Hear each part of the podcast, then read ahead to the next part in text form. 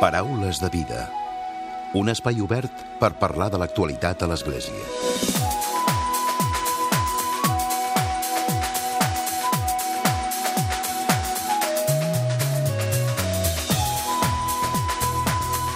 Què tal? Salutacions i molt bon dia, molt bon diumenge. La Fundació Pere Tarrés ha presentat aquesta setmana un llibre sobre la salut i la malaltia des d'una perspectiva psicosocial.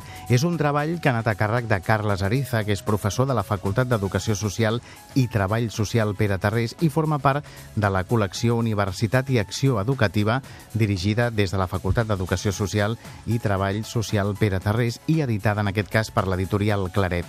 Aquesta col·lecció té per objectiu oferir textos acadèmics sobre temàtiques pròpies de les professions socials i educatives que siguin d'utilitat a estudiants i també a professionals en exercici. En aquest llibre, el professor Ariza dona respostes a preguntes com aquesta, com es fa front a la pèrdua de la salut i l'aparició de la malaltia des d'un punt de vista social o sobre el que representa l'aparició de la malaltia en les nostres vides quotidianes, el trencament que provoca a nivell laboral, a nivell personal o també familiar i quin paper poden tenir les persones que ens poden ajudar durant aquesta situació, com ara els treballadors socials o els educadors socials. De seguida ho parlem amb el professor Carles Ariza.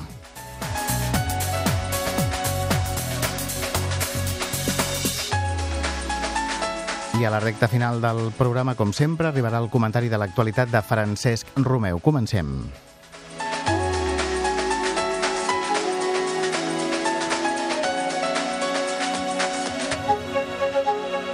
I donem la benvinguda al professor Ariza. Benvingut al Paraules de Vida.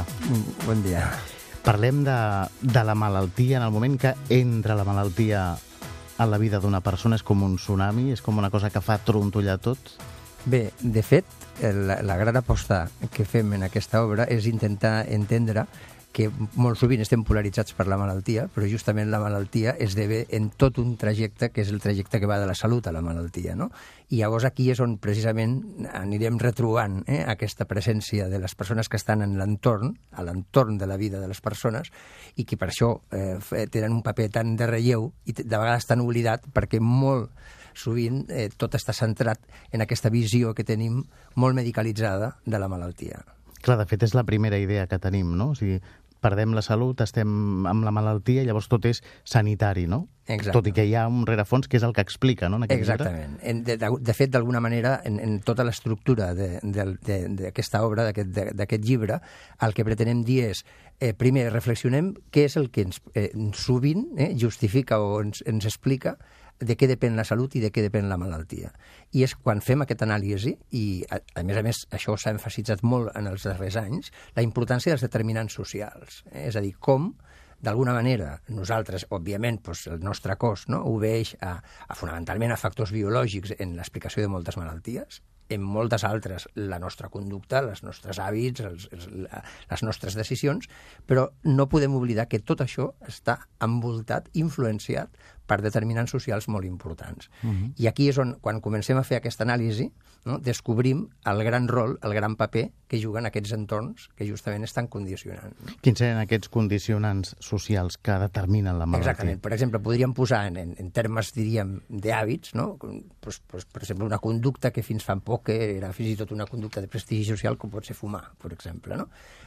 Pensaríem que la, la decisió de fumar és una decisió individual però lluny de la realitat. És a dir, el tabac apareix en la història socialment en un moment concret i fixem-nos en, en, fixem ara en l'actualitat la, en com fumar-se fumar està desprestigiant. Per què? S'està desprestigiant socialment. És a dir, quan hem tingut prous evidències que això era un problema social, un problema dels entorns, hem pres mesures perquè justament aquelles persones que no sigui la seva voluntat fer-ho puguin no, no afectar-se. No? Per tant, en el fet d'aprendre a fumar, eh, no és una decisió individual, és un entorn social que ens ensenya. No? I tot, quan analitzem amb ells eh, tot això és quan d'alguna manera incorporem no només el treball social, que de lluny eh, ja té una presència en l'àmbit sanitari, sinó també els educadors, perquè els educadors precisament poden portar tot això als seus àmbits d'influència, que sempre seran des dels entorns socials, allà on la gent juga, la gent viu, la gent d'alguna forma eh, eh, fa tot això que ells acompanyen. Clar, per tant, la figura de l'educador social és mm,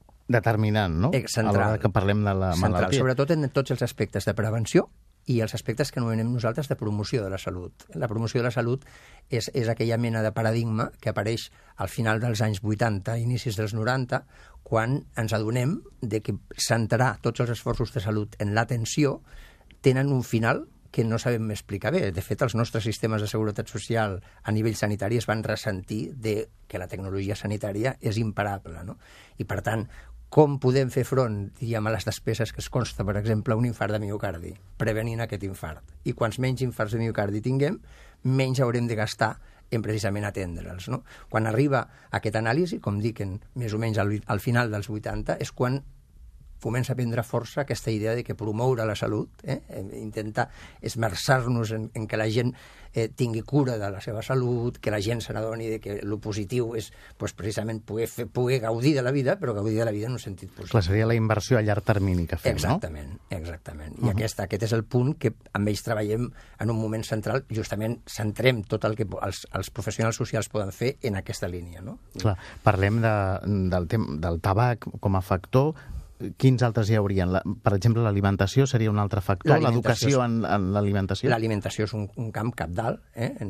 De fet, eh, eh, observem que en el, en el camp de la salut tenim dinàmiques molt semblants, és a dir, així com el tabac ha sigut un factor de risc molt central en el que podríem dir al final del segle passat i als inicis d'aquest, ara mateix eh, tots som conscients de que se'n parla d'un nou factor de risc, que és l'obesitat. No? L'obesitat està íntimament lligada a tot el que serien la, tota la indústria de l'alimentació, no? que igual com en el seu moment les tabaqueres, també tenim en aquest moment quatre o cinc multinacionals de l'alimentació que estan condicionant Clar, diguéssim que hi ha lobbies no? importants Exactament. econòmics que, que diuen segur. això no es toca. No? Segur, segur. I per tant, en tota aquesta dinàmica veiem clarament el rerefons social, no? que a més els, els, els nois, els estudiants, gaudeixen quan d'alguna forma ho analitzem i se n'adonen precisament de com amb ells els implica. Eh? Amb ells i ens implica en general, òbviament, a tots els ciutadans. Clar. No? De fet, com dèiem, a la presentació no és un llibre eminentment pedagògic i que està adreçat concretament també als educadors socials, no? Exactament. I, i s'adreça a aquestes dues, eh, aquestes dues disciplines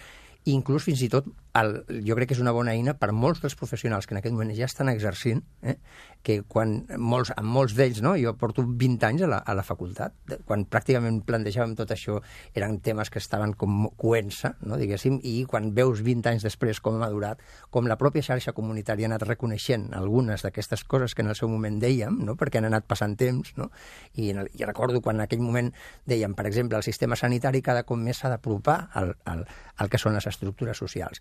Allò en aquell moment era una entelèquia. Avui dia és el, el camp híbrid entre l'àmbit social i sanitari és una realitat consolidada. Diguéssim que han hagut de passar molts anys, no? Molts anys. Fins a, fins molts anys perquè, òbviament, clar, hi ha molts interessos, no? I en aquell moment, doncs, pues, eh, el, el sistema no es medicalitza perquè sí, el sistema, mm, tenim un sistema sanitari a nivell mèdic molt potent, però clar, el, el tema és que quan una cosa es fa potent, també es fa potent en termes econòmics, no? I hi ha desequilibris, no? I ha costat molt, per exemple, donar-nos que l'atenció primària, eh, com la més propera a l'individu, aquella que recull tota aquesta mena de consells. En el fons, la salut està plena de, de, de petits detalls, de petits consells que ens empoderen si nosaltres som capaços d'incorporar-los i d'exercir-los. I això va en re, redunda en menys consultes, més capacitat d'autonomia.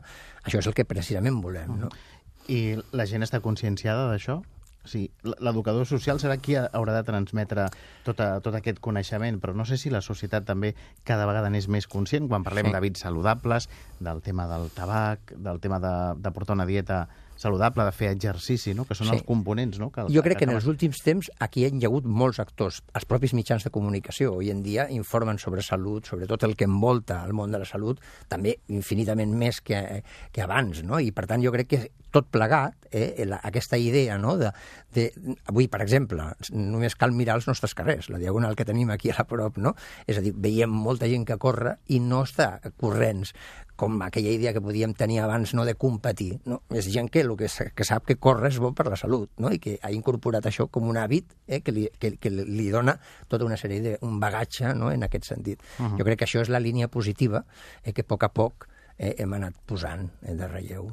Com ha estat, doctor, ai, doctor, professor Ariza, com ha estat el procés d'elaboració de, del llibre? perquè és eminentment, com dèiem, pedagògic, és des de l'experiència, no?, a la, a sí. la, a de la fet, facultat. De fet, eh, com jo deia abans, no? eh, jo mm, sempre dic al, als propis estudiants que ho hem anat conformant junts, perquè d'alguna manera, com que era un àmbit que, que havíem d'anar definint i veure què era possible, què no era possible, eh, eh, tot el que d'alguna forma hem, hem acabat eh, podent escriure ha sigut gràcies precisament a, aquest, a aquesta mena d'interacció que hem, hem fet durant anys. Eh?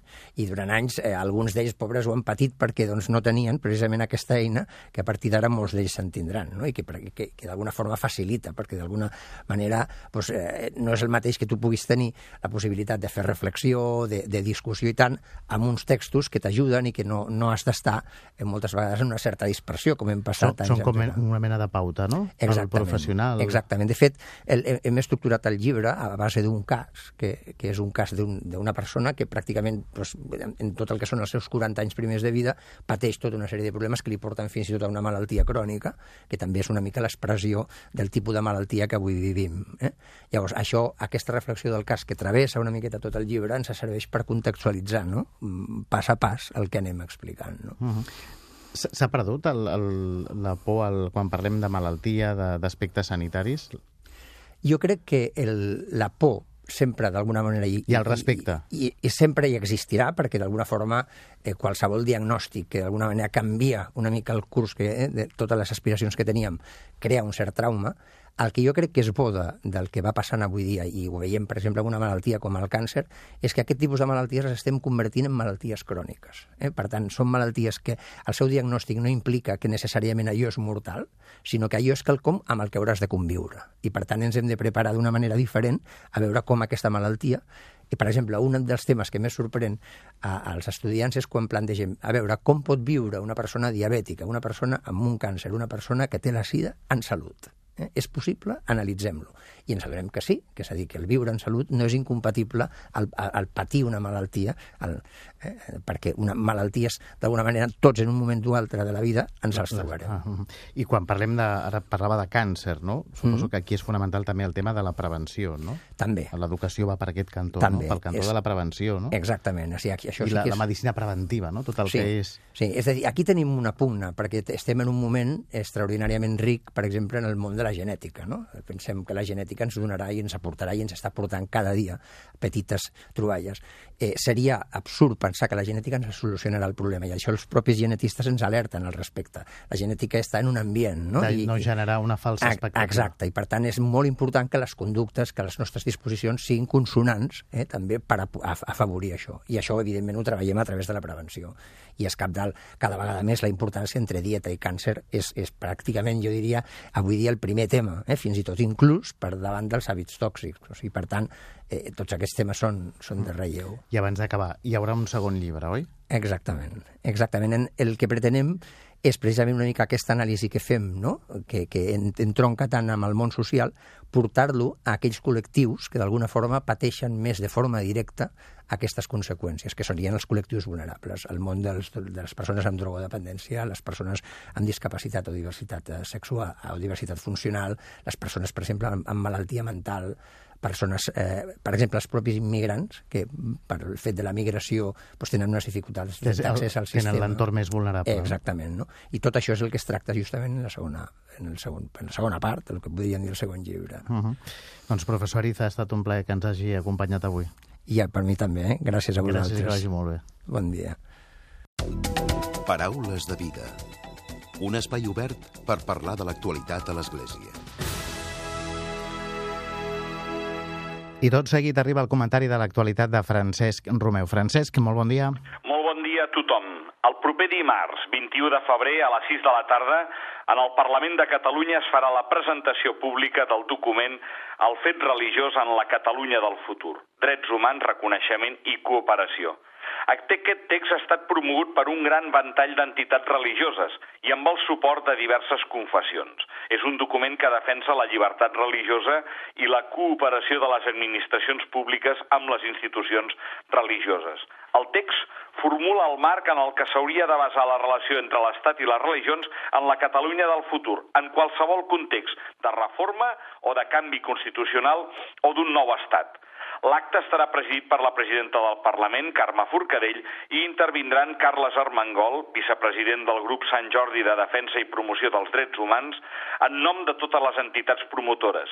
Lluís Jou, president de l'Acadèmia de Legislació i Jurisprudència de Catalunya i notari, Hilari Reguer, monjo de Montserrat i historiador, i representants de les comunitats religioses budistes, catòlics, evangèlics, mormons, musulmans i ortodoxos, que parlaran sobre la llibertat religiosa.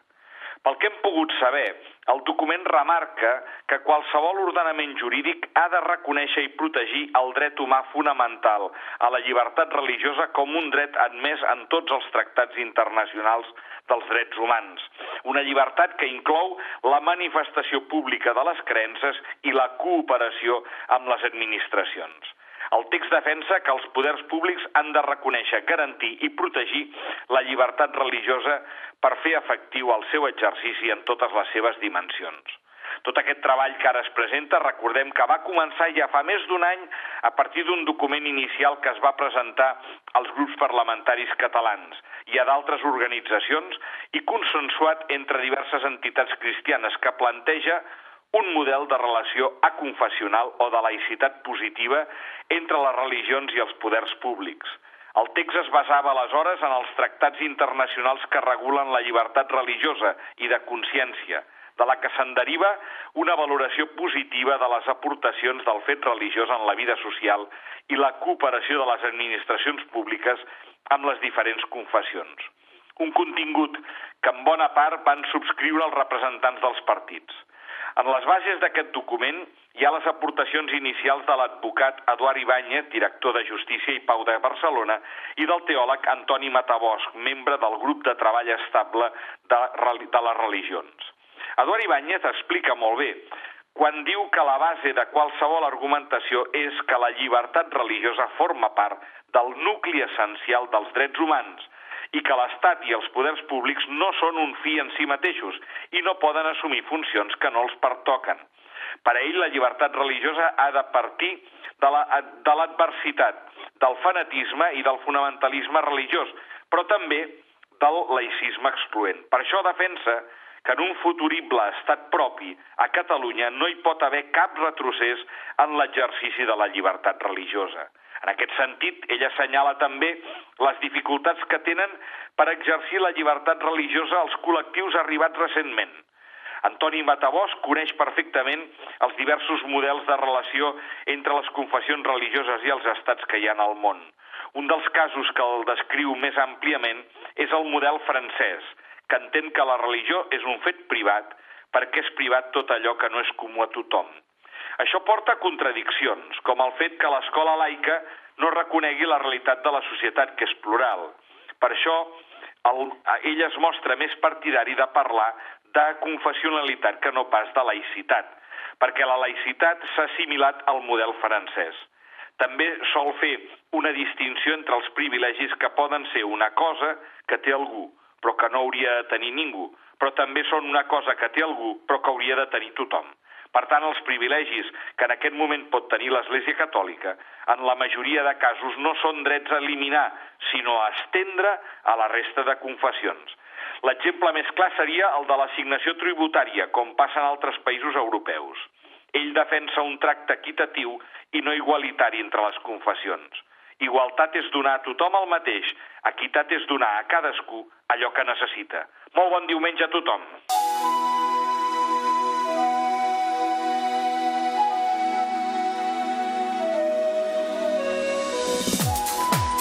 Punt i final al Paraules de Vida d'aquest diumenge d'aquesta setmana. En Diego Monroy ha estat el control tècnic i qui us ha parlat l'Emili Pacheco. Que passeu bon diumenge i una molt bona setmana. Adéu-siau.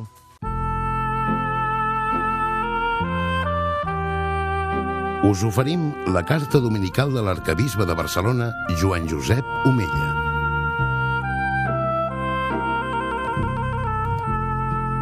Déu vos guard. L'esperança és una virtut que hem de demanar a Déu que ens la regali. Però podem fer un esforç també, l'hem de fer, perquè aquesta virtut arreli en els nostres cors. Una petita història ajudarà a entendre què vull dir amb adquirir hàbits d'esperança. Un bon home va rebre una carta d'un amic li comunicava que li regalaria un vell tapís. És preciós, li deia, i feia els elogis més grans d'aquest tapís brodat en or que estava a punt de rebre. Representa meravellosament escenes d'una cacera. Té un valor incalculable. Uns dies més tard van trucar a la porta per lliurar-li el tapís.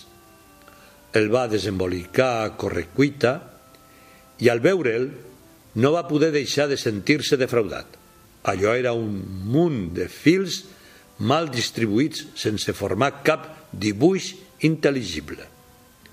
Aquí i allà hi havia nusos empalmats de qualsevol manera.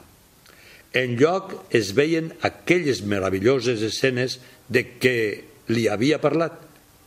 Va arribar a pensar, no deu ser tot fruit de la imaginació del meu amic? Tant d'elogis per tan poca cosa. Tot d'una, gairebé sense adonar-se'n, va girar el regal al revés i va respirar alleujat. L'havia estat mirant al revés. Ara s'hi podia admirar els riquíssims matisos dels colors, les belles escenes representades, en fi. I li va semblar que el seu amic s'havia quedat curt en les lluances. Això és el que ens pot passar a cada un de nosaltres depèn de per on mirem les coses.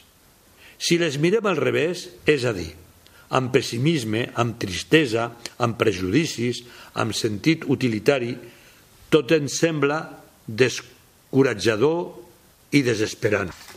Al contrari, si ho mirem tot des de la mirada de Déu, des d'uns ulls moguts per la compassió, des de dins del cor, tot adquireix resplendor i bellesa perquè el que fa que una cosa sigui bella de veritat és que Déu li està donant l'ésser.